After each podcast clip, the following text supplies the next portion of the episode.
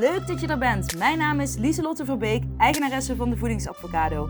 Ik help mensen gezond te leven door hun fabulous feelings als waardekompas te gebruiken en zo ook het leven te gaan leiden wat bij jou past. Dit doe ik middels acceptance en commitment therapie, universele wetten, zelfliefde en ik werk hier op de podcast vooral vanuit Inspired Action.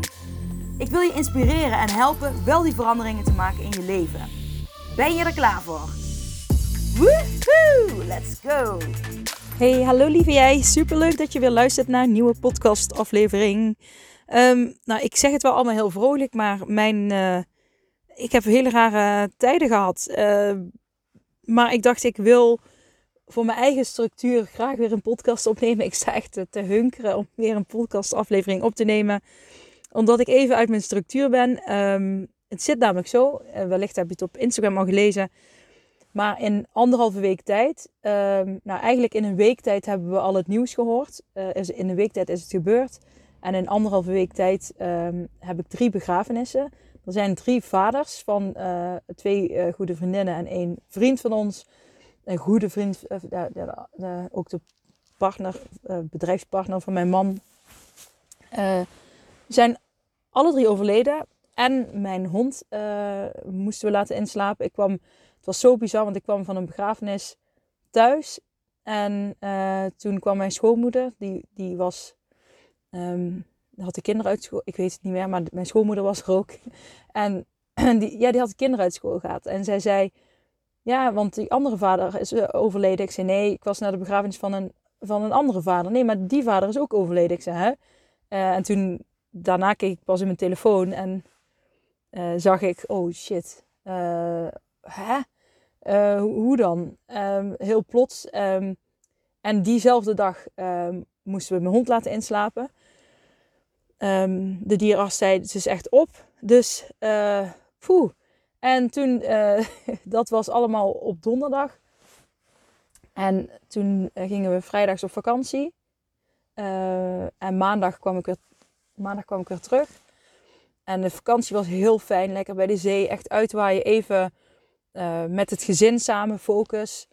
En uh, toen kwamen we maandag thuis en toen kregen we bericht dat er een uh, vader van de goede vriend van mijn man is overleden. dus toen dachten wij, wat, hoezo, hoe, wat, hangt er iets in de lucht of hoe dan? En um, ja, dus je kunt je voorstellen dat ik een hele rare week heb. En dan is het ook nog carnaval tussendoor geweest. Ja, wij hebben de carnaval uh, dus niet gevierd omdat wij lekker weg zijn geweest. Uh, maar het is dan vakantie, mijn structuur, alles is even door de war. Uh, toen werd ik ook nog, um, even kijken, dinsdagavond. Toen waren er moeders bij mij thuis, een werkgroepje voor een, ja, een lichtjesoptocht. Die bij ons in het dorp in maart wordt gegeven. En alle drie mijn kinderen doen daar mee met alle drie verschillende groepjes. Dus ik zit dan, eh, ja, ik help bij alle drie de groepjes mee. Maar bij dit groepje was dan bij mij thuis. Nou, maakt verder niks uit.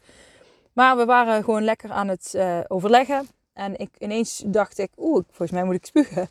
Uh, maar ik dacht, nou ja, weet je al, gewoon even doorgaan. Niet zo ja, waarschijnlijk valt de thee niet goed of te veel gegeten of wat dan ook. En um, op een gegeven moment dacht ik, oh, ik ben echt niet goed. Uh, maar ik dacht, ja, het, het, is bijna klaar. Dus ik heb een beetje snel afgerond. Iedereen het de huis uitgestuurd. Nou, en rennen naar de wc. En oh, ik moest, sorry voor de details, maar ik moest heel veel spugen. En uh, oh, ziek dat ik ineens werd. Uh, dat was dinsdagavond dus. Nou, woensdag heel dag, nou ja, dat was dus ook. Woensdag was, was de tweede begrafenis die ik had. Um, en toen dacht ik, ja, shit, ik ben ziek. Uh, maar ja, als ik niet ga, dan, word ik, dan voel ik me nog rotter en nog zieker. Dus ik had wel een coronatest gedaan. En uh, uh, ja, niks gegeten, niks gedronken van tevoren. Het was in de ochtend gelukkig, dus ik ben gegaan. Um, ja, is dat slim? ik heb geprobeerd zoveel mogelijk andere mensen niet aan te raken. is dat helemaal gelukt? nee. maar ik heb wel tegen al die mensen gezegd: mij niet te veel aanraken, want ik ben uh, ziek. Maar goed, daarna ben ik wel lekker gaan liggen. En vanmorgen dacht ik dat het beter ging. Uh, en dat bleek dus even niet zo te zijn. En, maar nu heb ik wel het gevoel dat het beter gaat. Nou, wat een leuke intro. Dus um, ik dacht, uh, nou ja, de les die ik heel graag wil delen met jullie. Ik wil sowieso, wil ik ehm, eh, vanuit ACT-optiek, wil ik vier taken bespreken. Die zij omschrijven als taken van rouw, rouwtaken. En rouw en scheidingen bijvoorbeeld, hè, dat, dat, dan doorloop je vaak dezelfde fases als rouw. Um, die wil ik met jullie bespreken. En dit zijn niet dus, dus de fases, uh, de fases als uh, verdriet, boosheid, schuldgevoel, maar dit zijn taken. Dus dit is net een wat andere, nou ja, een andere vorm die ik graag met jullie wil delen. En um,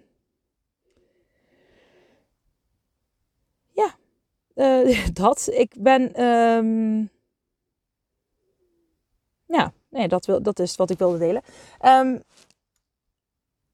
en, sorry voor de, voor de onderbreking, maar ik, was even aan het denken wat ik uh, ook weer nog meer wou zeggen. Maar ik, ben, ik denk dan, oké, het verlies is bij uh, mijn vriendinnen zijn heel verdrietig, want uh, hun vaders zijn overleden. Bij eentje is de moeder twee jaar terug overleden, is vader en moeder. allebei ook nog jong, um, in hun ja, 60, begin 60 of eind 50. Um, volgens mij begin 60, maar het maakt verder niet uit. Maar, en dan denk ik, zij hebben heel veel verdriet. En dan vind ik het voor hun heel erg. En um, uh, dan voor de andere vriendin vind ik het voor haar heel erg. En het verdriet wat zij hebben. En voor die vriend vind ik het voor hun heel erg. Maar dan merk ik toch dat ik, um, en dat, uh, het, natuurlijk doet het wel iets met je. En ik dacht, oké, ik vind het voor hun heel erg. Ik probeer er voor hun te zijn. Um, en ik negeerde eigenlijk een beetje dat, ik, dat dat bij mezelf ook iets doet. En dan ergens vind ik mezelf dan ja, egoïstisch. Als ik dan zeg, ja, ik heb er ook verdriet van. Of ik voel me ook uh, ziek daardoor. Uh, nou, ik denk serieus dat ik zelfs letterlijk... Uh, dat dat een reden is dat ik ineens ziek werd. Gewoon, um, gewoon ziek zijn van verdriet. Van de emotie moest eruit. En ik denk dat dat ook echt wel meespeelde in waarom ik ziek was nu. Um, maar ik vergat eigenlijk een beetje, en dat herken ik wel bij mezelf, dat, dat heb ik wel vaker, dat ik dan zo bezig ben met de ander en met het verdriet van de ander. En ik dan eigenlijk mijn eigen verdriet negeer, omdat ik vind dat ik dat niet hoef te hebben. Want ja, mijn vader is al een keer overleden. Uh, ik heb toen verdriet gehad. Iedereen leefde toen met mij mee. En nu overlijdt haar, uh, hun vaders. Overlijden hun vaders. Dus nu wil ik er voor hun zijn. En mijn verdriet hoeft daar geen, weet je wel, dat gaat nou even niet over mij, maar het gaat over hun. En ergens vind ik ook, het gaat vooral over hun. Ik wil er voor hun zijn. Maar mijn valkuil is, en dat hoop ik um, ook mee te geven aan jullie, is dat je jezelf nog steeds hierin ook op één mag zetten.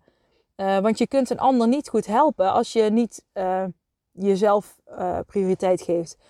Hè? Dat jij ook gevoelens mag hebben. Jij mag ook huilen omdat een ander verdriet heeft. Want jij kan dat verdriet ook voelen. Um, Snap je? Uh, toen uh, een, een, vriendin van mij, waarvan nu de vader is overleden, toen, zij, uh, toen mijn zoon geboren werd en zij kwam voor de eerste keer op bezoek, dat was al dezelfde dag. toen kwam ze binnen en toen moest ze ook heel hard huilen, omdat ze het zo mooi vond dat ik nu, ja, dat, dat ik daar zat met mijn zoon. Maar ja, en dan zou dat niet mogen? Nee, ik vond dat juist heel mooi. En ik bedoel, het is tien en een half jaar geleden. En ik herinner het me nu nog, omdat ik dat zo mooi vond dat iemand zo uh, met me meeleeft. Maar dat zij ook die emoties van blijdschap en vreugde uh, ervaarde. En hè, dat uit zich in uh, tranen van vreugde.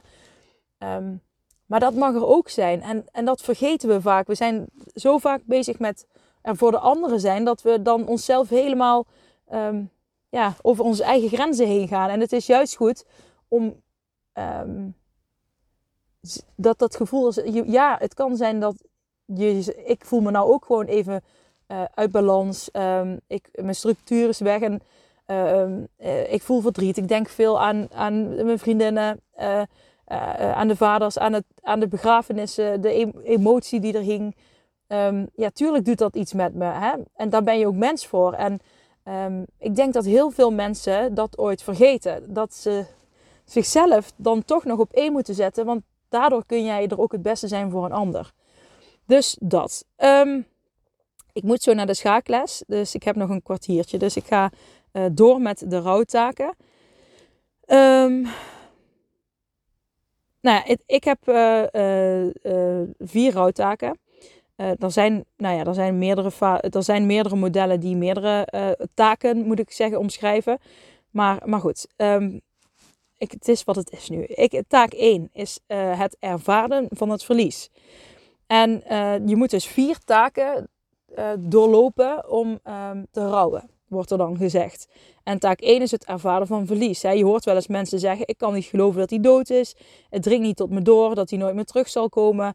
Um, hè, uh, ik kan het niet accepteren. Hè, ik kan het niet accepteren dat iemand bij me weg is. Het dringt nog niet door dat ik nu alleenstaan ben. Of wat. Hè, het kan, zoals ik al zei, met, als mensen uit je leven verdwijnen door um, overlijden, maar ook door scheidingen bijvoorbeeld. En besef je ook dat dit ook dingen zijn die kinderen dan doormaken. als het bij gescheiden ouders betreft. Um, dus taak 1 is dat je hè, sowieso is rouwen vraagt om actie. Rouwen vraagt om werk van jou.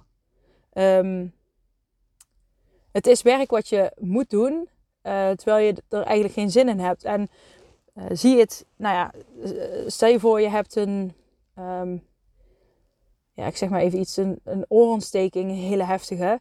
Dan moet je ook misschien antibiotica slikken en heb je daardoor een tijdje minder weerstand.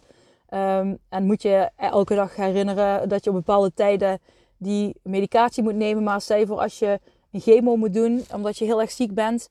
Uh, als je dat niet doet, als je dat werk allemaal niet doet, hè, dat noem ik dan het werk. Ja, dan zul je waarschijnlijk ook niet genezen. Um, ja, goed, meningen zijn erover verdeeld. Hè? Maar kijk maar, luister maar naar, of lees het boek Dying to Be Me. Maar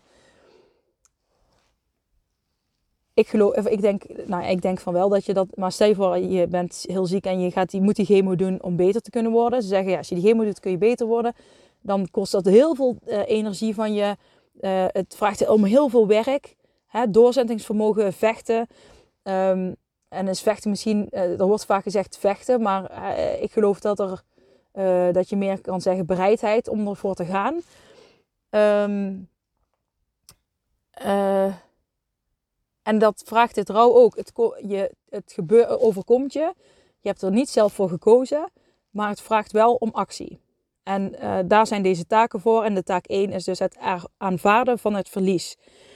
Um, en dat gaat, en dat bij de ene gaat dat sneller dan bij de andere. En het gaat erover dat, het, dat het doordringt um, dat die persoon niet meer in je leven uh, zal zijn. Uh, dat, dat, dat die weg is. En hoe vaker je um, uh, je beseft van oké, okay, die persoon is er niet meer bij. Um, hoe vaker, ja, hoe de tijd wat dat betreft, helpt je dan om dit besef van het aanvaarden van het verlies te gaan krijgen. En mensen kunnen ook in ontkenning gaan zitten. Ja, want het omgekeerde van aanvaarding is van aanvaarden van een verlies is ontkenning. Um, ja, dat je doet alsof, alsof het niet gebeurd is. Ja, um, dat het, uh, ik, moet, moet, zeggen, dat herken ik ook wel. Bij mijn vader ben ik ook wel in ontkenning gegaan. Uh, ik vond het te heftig. Dus ik probeerde maar gewoon te, een beetje te negeren. Um, maar ja, op een gegeven moment kun je er niet meer omheen en dan krijg je een uh, gedeeltelijke hè, uh, ontkenning.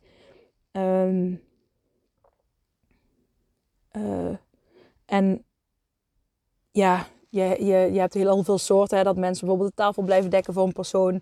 Um, omdat ze het moeilijk vinden om het te aanvaarden. Maar hè, ieder, hoe je taak 1 doorloopt, dat, um, of doet, dat is bij iedereen verschillend.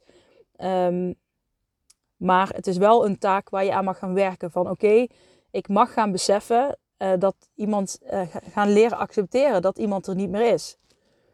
En dat is een zwaar proces. Um, um, maar ja, dat is taak 1. Taak 2 is het voelen van de pijn die het gevolg is van het verlies.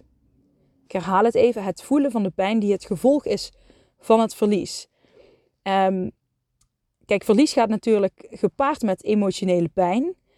En um, hè, dat kunnen reacties zijn uh, van verdriet, angst, uh, boosheid, schuldgevoelens. Eigenlijk de fases waar ik het eerder over heb, waar, waar je, hè, de, de rouwfases waar je doorheen gaat. de emotionele fases. Ehm, ehm, maar uh, het, ene, hè, het ene moment kan je je bijvoorbeeld heel boos of verdrietig voelen. En het andere moment, weer heel somber uh, of wat dan ook. Um, maar het gaat erom dat het uiten van deze gevoelens, de rouwgevoelens, uh, dat het anders is dan het ervaren van deze gevoelens. En uh, dat ga ik even verhelderen. Want soms ervaar je, ervaar je wel verdriet, maar uit je dit niet. En dit kan uh, bij iedereen verschillend zijn. En dat is bijvoorbeeld net als bij positieve gebeurtenis. Als ik uh, blij ben, dan sta ik te juichen en te klappen en te springen. En andere mensen die geven een klein glimlachje. Dus je kan verdriet ervaren, uh, gevoel ervaren. Maar hoe je het uit kan natuurlijk anders zijn. Um, maar het is wel belangrijk dat je uh, beseft, iedereen ervaart de, emotionele pijn van het verlies op een andere manier. Um, uh, en dat uit je ook op een andere manier. Um, het gaat erom dat je niet voor deze taak, hè, voor deze tweede taak gaat weglopen. Um, hè, dat je het gevoel gaat onderdrukken. Dat is precies wat ik deed, hè, dat je het gaat wegstoppen. Gedachten en herinneringen aan die persoon gaat wegdrukken of vermijden. Uh, want als je dat lang gaat doen, dan, nou, dan ga je daar heel veel last van krijgen. En hoe langer je het wegdrukt, uh, hoe harder de klap zal aankomen als, uh, als de kist waar je alle, alles in wegstopt ineens openspringt. Uh, hopelijk kun je me nog een beetje volgen, want ik, had het, ik heb het op mijn telefoon opgeschreven. En het zijn hele kleine lettertjes. Dus um, maar dat, um, taak 2 is dus dat je de pijn mag voelen die het gevolg is van verlies. En je, hoeft, je mag het voelen. En ik zei ook tegen een vriendin van mij vandaag nog van Um, hij, dat was echt mijn fout. Uh, dat ik stopte alles weg. Waardoor ik er uiteindelijk acht jaar over gedaan heb. Over uh, al die taken. um, uh, omdat ik het... Ik, bij taak 2 liep ik heel erg vast. Ik, um, ik begon het heel erg weg te stoppen. En ik vond het heel lastig om mijn gevoel... Ik, nou, bij mij was het heel erg... Ik wilde gevoel uiten. Uh, maar dat deed ik niet. En dat heb ik vaker in de podcast verteld. Ik wilde over, over de grond uh, op straat kruipen en huilen en schreeuwen van verdriet. Maar in onze cultuur is dat minder gepast, laat ik het zo zeggen. Um, maar weet, weet je al, maar doe dat als je daar behoefte aan hebt. Weet je al, kijk, ik ben iemand die uh, zich altijd heel extreem uit ik ben extreem blij, maar ook extreem bang. Ik heb niet, niet voor niks chronische angststoornis. Uh, maar ik kan ook extreem boos worden. Nou, eh, niet dat ik agressief ben of zo, maar nou, ik kan wel boos worden. Um, uh, ja, dat merk je wel als ik boos ben. Um, nou, ik, weet je wel, mijn emoties zijn ook gewoon heftig. Dat past bij mij. Dus dat ik mijn verdriet niet op die manier kon uiten, heeft mij dus heel erg belemmerd in deze taak. Dus um, kijk eens bij jezelf als je hiermee te maken hebt van hoe uit ik normaal bijvoorbeeld blijdschap. Ben ik iemand die um, ja, veel uh, praat als ik heel blij ben, enthousiast dingen wil delen? Of uh, hoe doe je dat met andere emoties? En um, ja, hoe ervaar je die en hoe uit je die? En um, nou, dit is dus iets uh, waar ik in vastliep. Maar hopelijk als je een beetje naar je andere emoties kijkt, naar de positieve vaak, uh, dan herken je misschien wel van oké, okay, dus dan vind ik dat bij mijn andere emoties misschien ook wel fijn. Uh, en ik snap als je heel blij bent eh, dat je het van de daken wil schreeuwen, dat je door de straat kan rennen, ik ben geslaagd of wat dan ook. En als je heel verdrietig bent, dat je niet door de straat gaat rennen, ik ben zo verdrietig, maar, maar ik zou dat bijvoorbeeld wel willen. Ik, ik ben iemand die dus ook echt door de straat zou rennen als ik iets heb gehaald. maar ik ben ook uh, ik, uh, ik wil door de straat huilen, maar dat doe ik niet omdat, ja, omdat ik te veel um, ja, oordelen van anderen in mijn hoofd over heb. Uh, maar dat wil niet zeggen dat het op een andere vorm in je huis kan. Of in een therapiesessie of in een coachsessie waarin je lekker mag schreeuwen. En in dramatherapie bijvoorbeeld, waarin je dat lekker kan, gewoon dat dat er mag zijn. weet je, maar kijk dan naar de mogelijkheden die je hebt. En het kan ook zijn met muziek keihard mee zingen of eh, schreeuwen of wild dansen. Weet je wel, kijk hoe je het eruit kunt gooien. Ehm, ik moet door. Taak 3.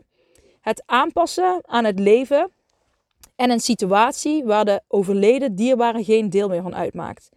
Kijk, je kunt je voorstellen als je uh, man overleed, overlijdt, dan um, wordt jouw rol, en jij bent, jullie deden alles samen als ouders bijvoorbeeld, dan verandert jouw rol als moeder, je identiteit verandert ineens. Um, uh, als jij een partner had bijvoorbeeld die altijd uh, keuzes maakte, alle keuzes maakte, uh, dan moet je ineens zelf keuzes maken. Dus um, je moet je, je leven gaan aanpassen naar de situatie die op dit moment er is. En in deze taak heb ik wel, um, het kan zijn dat je taken door elkaar uh, lopen. Het hoeft niet per se in deze volgorde te zijn, want deze taak, um, die heb ik eerder afgerond als taak 2. En dat, uh, uh, dat komt omdat ik er een positieve draai in had gegeven, want ik overlegde alles bijvoorbeeld met mijn vader.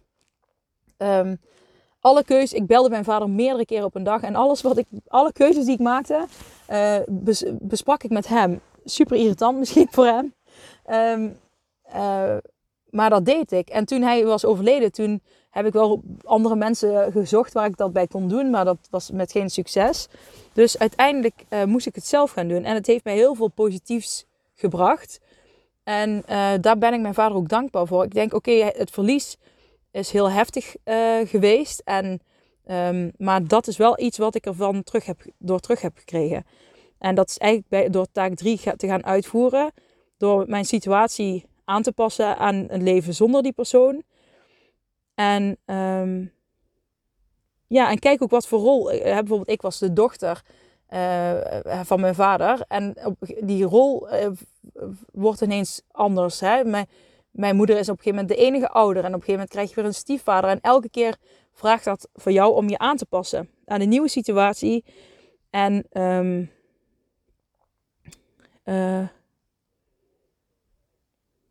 ja, aan dat. Um, en hier staat nog: het aanpassen betekent soms dat men een antwoord op deze vraag weet te vinden. En de vraag was uh, waarom het overlijden heeft plaatsgevonden. Vaak betekent het echter dat men ermee moet leren leven dat er geen antwoord op te vinden is. Nee, en dat denk ik ook van je weet niet waarom en je kunt er eeuwig naar zoeken. Maar ik, ik vond het voor mij heel geruststellend dat ik dan uh, toch nog iets positiefs eruit kon halen. Van oké, ik weet niet waarom het is gebeurd. En ik denk dan, alles heeft een reden. En uh, uh, wat voor lessen heb ik eruit kunnen halen? niet dat ik die lessen per se had willen leren op die manier. Maar, maar goed, weet je wel. En zo probeer ik er dan naar te kijken. Maar goed, dat, dat kost me wel tijd ook hoor, deze taak. Maar nogmaals, het zijn taken. Het vraagt om um, werk van jou. Um, Oké, taak 4. De overledene emotioneel een plek geven. Uh, en verder leven zonder de overledene. Um, er staat bij.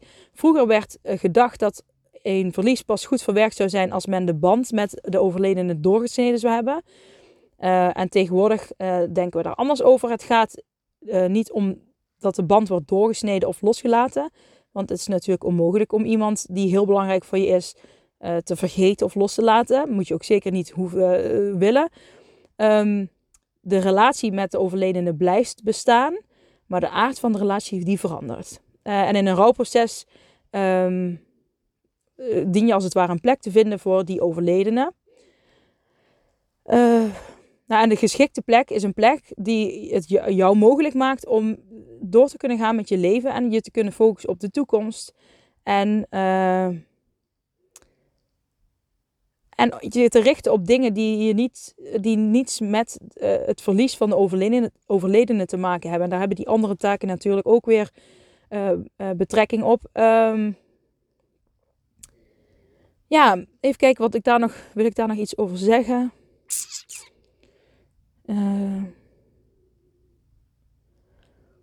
nou ja, soms hè, vinden mensen het moeilijk om door te gaan met hun leven, omdat ze niet. Um, dat ze zich niet kunnen focussen op de toekomst zonder uh, dat die persoon aanwezig is in hun leven. Um, nou ja, hè, dan, dan, dat ze natuurlijk, hè, dan komt er eenzaamheid uh, omkijken. Ehm, ehm, ehm, maar het ga, hè, sociale contacten zijn daar, daarom in deze, uh, deze taak ook wel heel erg belangrijk. Om ja, sociale contacten kunnen erbij helpen om hè, je leven anders te gaan inrichten. Hè, bijvoorbeeld eerst de, misschien dat je elke week op een vast tijdschip met een vriend of vriendin gaat bellen. Of schaken of weet ik veel, een kopje koffie gaat drinken. Nou, dat zijn de vier taken die ik wilde delen. Ik moet over drie minuten in de les zijn, dus ik ga het zo afronden. Um, zoals ik al zei, rouwen is hard werken voor je lichaam en voor je geest. Hè, je, kan er heel moe van worden. Je kan lichamelijke pijnen ervaren. Um, je kunt ervaren dat je extra gevoelig bent. Uh, dus het is ook heel belangrijk om jezelf in deze periode heel goed te verzorgen. Um, en, je verwacht ook, je moet niet te veel van jezelf.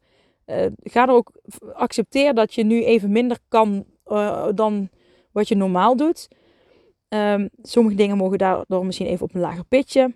Maar het is ook goed om je structuur zoveel mogelijk wel weer te kunnen oppakken. Hè? Um, niet dat je alleen maar op de bank gaat zitten uh, rouwen, want dan ga je jezelf helemaal stilzetten. Nou, dat is precies wat ik ook deed.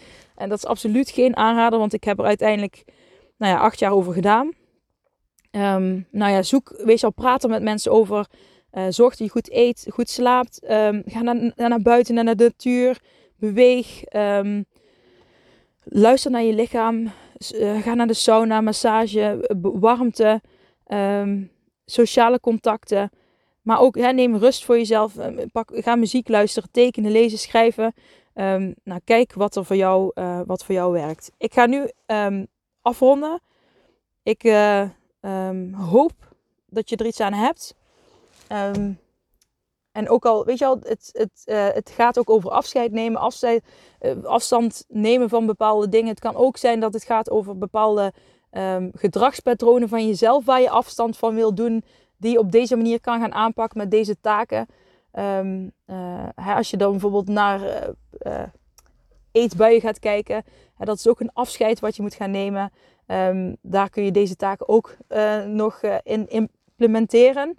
Um, nou, ik, ja, het helpt mij, het heeft mij heel erg geholpen. Dus ik hoop dat het uh, jou of jullie ook ergens bij kan helpen. Ik wens jullie een hele fijne avond en ik spreek jullie snel.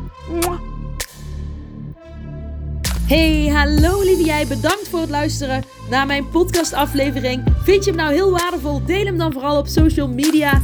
En tag me erin. Op Instagram is dat Dieselot-Verbeek. En vergeet vooral niet 5 sterren te geven wanneer je beluistert via Spotify. Yes, dankjewel. Dag lieve jij. Tot de volgende. Doei.